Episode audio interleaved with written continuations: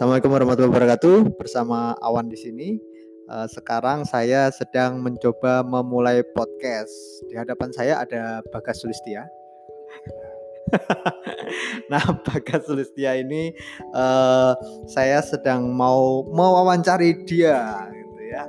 Apa yang soalnya kayaknya beberapa waktu terakhir ini dia sedang memulai sebuah perjalanan tentang development dirinya dengan mindset block mindset blocknya.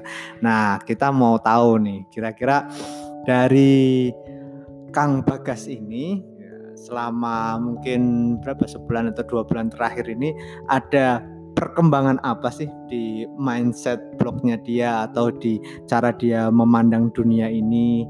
Uh, soalnya kayaknya sekarang mukanya itu jauh lebih berseri-seri daripada sebelumnya. Sebelumnya kayaknya agak-agak suram gitu. Nah sekarang auranya lebih berseri-seri. Nah sebenarnya saya pengen tahu juga nih kenapa dan uh, apa sebabnya gitu loh. Gimana Kang Bagas? Boleh dong sharing-sharing sama kita dong Ya, baik. Assalamualaikum warahmatullahi wabarakatuh, teman-teman yang mendengarkan audio ini. Uh, jadi sebenarnya tuh rencananya tuh saya yang mau wawancarai Mas Awan. Tapi kok setelah dipikir-pikir kok malah jadi saya yang diwawancarai ini gitu. jadi uh, sekitar dua bulan terakhir ini saya mencoba menggali uh, diri saya sendiri gitu dengan bantuan beberapa orang di sekitar saya gitu dan lebih intens untuk bertanya kepada orang-orang sekitar gitu sebenarnya apa yang terjadi dalam kehidupan saya? gitu. Dan saya merasa bahwa diri saya itu adalah seseorang yang perfeksionis banget dan itu membuat saya sulit untuk melangkah ke mana pun kayak gitu.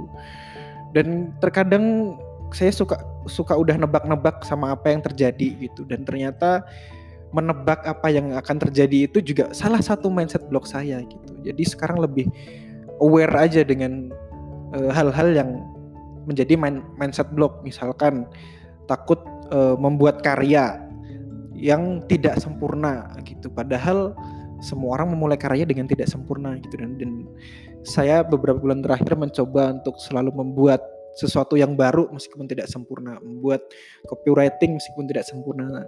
Ya kadang masih pengen perfect tapi tetap uh, harus dijalankan karena guru-guru saya mencontohkan untuk keep doing even if we can do perfectly seperti itu mungkin Mas Awan. Ini we cannot do perfectly seperti itu mungkin spoilernya. Keren banget ini ya uh, bahasanya tapi kalau misalnya kita cerita sedikit backgroundnya Mas Bagas nih, Mas Bagas ini uh, yang saya tahu uh, lulusan salah satu universitas negeri terkemuka di Bandung gitu ya. Uh, nah, kira-kira apa sih yang berkontribusi terhadap mindset perfeksionisnya Mas Bagas ini? Ah iya bener banget jadi eh, uh, cuma di perguruan tinggi negeri yang katanya terbaik itu, tapi saya juga masuk di sebelumnya juga masuk di SMA yang katanya juga terbaik di Bandung kayak gitu katanya ya gitu. Nah, nah jadi di situ itu di dua di sekolah dan di kuliah itu saya bertemu dengan orang-orang dengan sosok yang perfect jadi ketika saya masuk itu teman-teman saya itu orang yang udah jago bahasa Inggrisnya castisus lalu dia pertukaran ke luar negeri waktu di SMA. Terus juga teman-teman saya itu adalah uh, seorang atlet, juara atlet taekwondo juara satu, sabuk hitam, terus juga atlet renang kayak gitu, terus juga atlet basket, eh, terus pecinta alam, alamnya juga yang ditaklukin gunung-gunung yang udah tinggi, terus juga uh, pemain gitar yang profesional dan itu di level SMA dan ketika kuliah everything uh, lebih buruk lagi gitu. Misalkan ketika lagi di kampus di kelas kita orang-orang berusaha untuk mendapatkan IPK 4 kayak gitu. Dan ini ada orang yang masuk kelas aja suka males, begitu di kelas dia tidur, kerjaannya main game, main Dota waktu itu, tapi begitu ujian dia nilainya paling bagus di kelas. Uh, dan ah, kehidupan macam apa itu. Dan itu membuat saya ingin melakukan sesuatu yang perfect perfect perfect itu nggak boleh ada kesalahan sedikit pun untuk bisa mengejar mereka semuanya kayak gitu. Eh, kira-kira efeknya apa mas kalau misalkan kita itu uh, berpikir selalu uh, menginginkan hal yang perfect itu efeknya apa mas? Jadi jadi pengalamannya mas Bagas tuh kayak gimana? Bisa aja ya hostnya tuh mengorek pertanyaan nih jadi uh, efek dari berpikir untuk selalu perfect itu adalah semakin sering tersiksa karena pada akhirnya uh, kesempurnaan itu hanya bisa dicapai uh, kalau bukan di dunia kayaknya. Jadi kadang bahkan saya berpikir bahwa Rasul itu sempurna gitu ya. Apalah aku yang belum apa-apanya gitu. Jadi semakin membuat kita tuh ngerasa ah aku mah apa tuh, ah aku mah apa atuh gitu. Jadi kita berusaha tapi hasilnya nggak sesuai apa yang kita usahakan kita merasa kecewa gitu. Padahal bisa jadi orang-orang di sekitar kita tuh pengen melakukan yang sama tapi ke, uh, kesulitan gitu. Misalkan aku uh, jual sesuatu gitu, kejual tiga gitu. Nah, kejual tiga padahal targetnya 100. Nah, kejual tiga aja itu aku merasa sangat bersalah sekali dan sangat-sangat bersalah dan sedih-sedih banget gitu.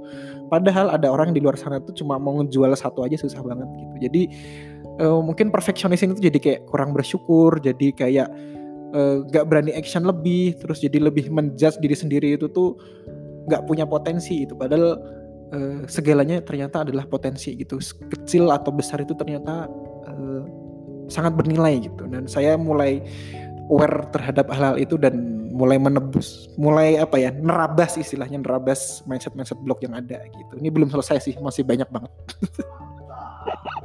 Jadi sifat perfeksionis itu menghalangi kita mencapai sesuatu ya.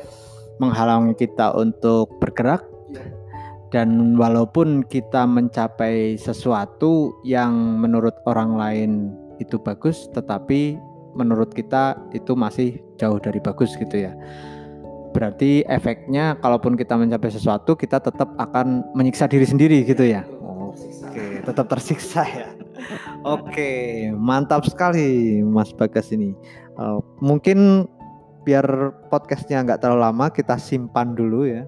Uh, sepertinya kita nanti akan korek lagi tentang bagaimana tips-tipsnya gitu ya untuk bisa keluar dari mindset perfeksionis. Tapi mungkin sedikit bocoran kali. sedikit bocoran aja sebelum kita sebelum kita ini daripada nanti uh, pendengarnya kentang ya.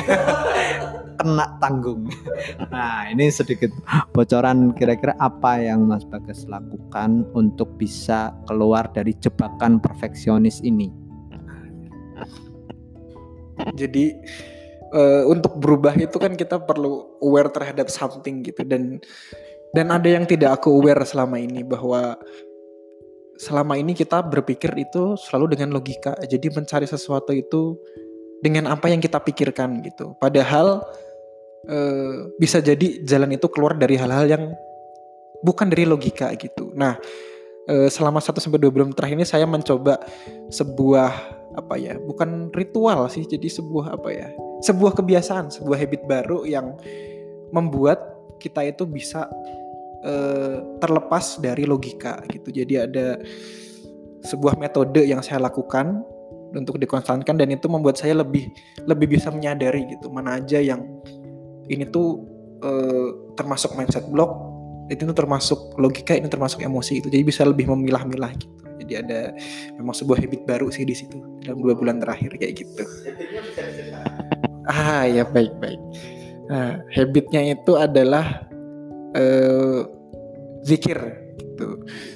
Jadi tapi nggak sekedar zikir gitu karena kalau zikir yang sebelumnya kan kita uh, bacaannya macam-macam dan biasanya cuma setelah sholat kayak gitu kan. Nah, cuma uh, dapat ilmu baru bahwa ketika berzikir itu harus diluangkan waktunya gitu. Jadi nggak nggak sekedar jumlah. Kalau dulu saya paling suka naik motor itu sambil zikir karena angkanya bisa gede banget karena sambil jalan gitu. Nah ternyata kita perlu waktu meluangkan waktu untuk berzikir kayak gitu. Karena di saat berzikir itu kita harus difokuskan untuk ke ke satu kalimat ke satu objek gitu. Dan itu membuat pikiran tuh jadi e, lebih tenang gitu. Istilahnya e, mengendalikan pikiran gitu. Pikiran lagi mikir ke mana gitu keluar dari zikir nah ntar balik lagi ke zikir. Misalkan astagfirullah gitu lagi mikir yang lain ah ini kerjaan belum beres atau ntar gitu. Nah itu diinget lagi zikir lagi baik lagi baik lagi kayak gitu. Nah sekarang masih latihan sih cuma ya lumayan lah perubahannya gitu buat mengendalikan mindset mindset yang liar tadi kayak gitu gitu. Untuk terus nurutin uh, logika-logika yang kita pikir itu masuk akal kayak gitu. Itu aja paling. Awalnya itu keren banget ya sakti banget ya. Oke deh, kayaknya ini biar nggak kepanjangan ya, takutnya bosen juga ini dengerin suara nggak terasa udah 10 menit. ya tapi uh, saya rasa tadi pengalamannya Mas Bagas keren banget ya, apalagi ada tips-tips yang bisa kita langsung praktekkan gitu. Mudah-mudahan kita bisa terbebas atau mengurangi eh, sifat perfeksionis kita dan just do it gitu. Kalau tadi Mas Bagas itu tipsnya dengan menggunakan zikir gitu ya. Oke, mungkin sampai di sini dulu. Kalau ada pertanyaan silakan ditulis uh, di komen atau di mana aja lah disampaikan. Nanti mungkin bisa jadi bahan kita untuk menjawab di edisi selanjutnya. Oke, saya Awan Rimbawan ini uh, baru kita coba amatiran ya. Mudah-mudahan tidak terlalu apa sih maksudnya? Tidak terlalu uh, aneh gitu ya. Tidak terlalu aneh. Uh, saya Awan Rimbawan undur diri. Wassalamualaikum warahmatullahi wabarakatuh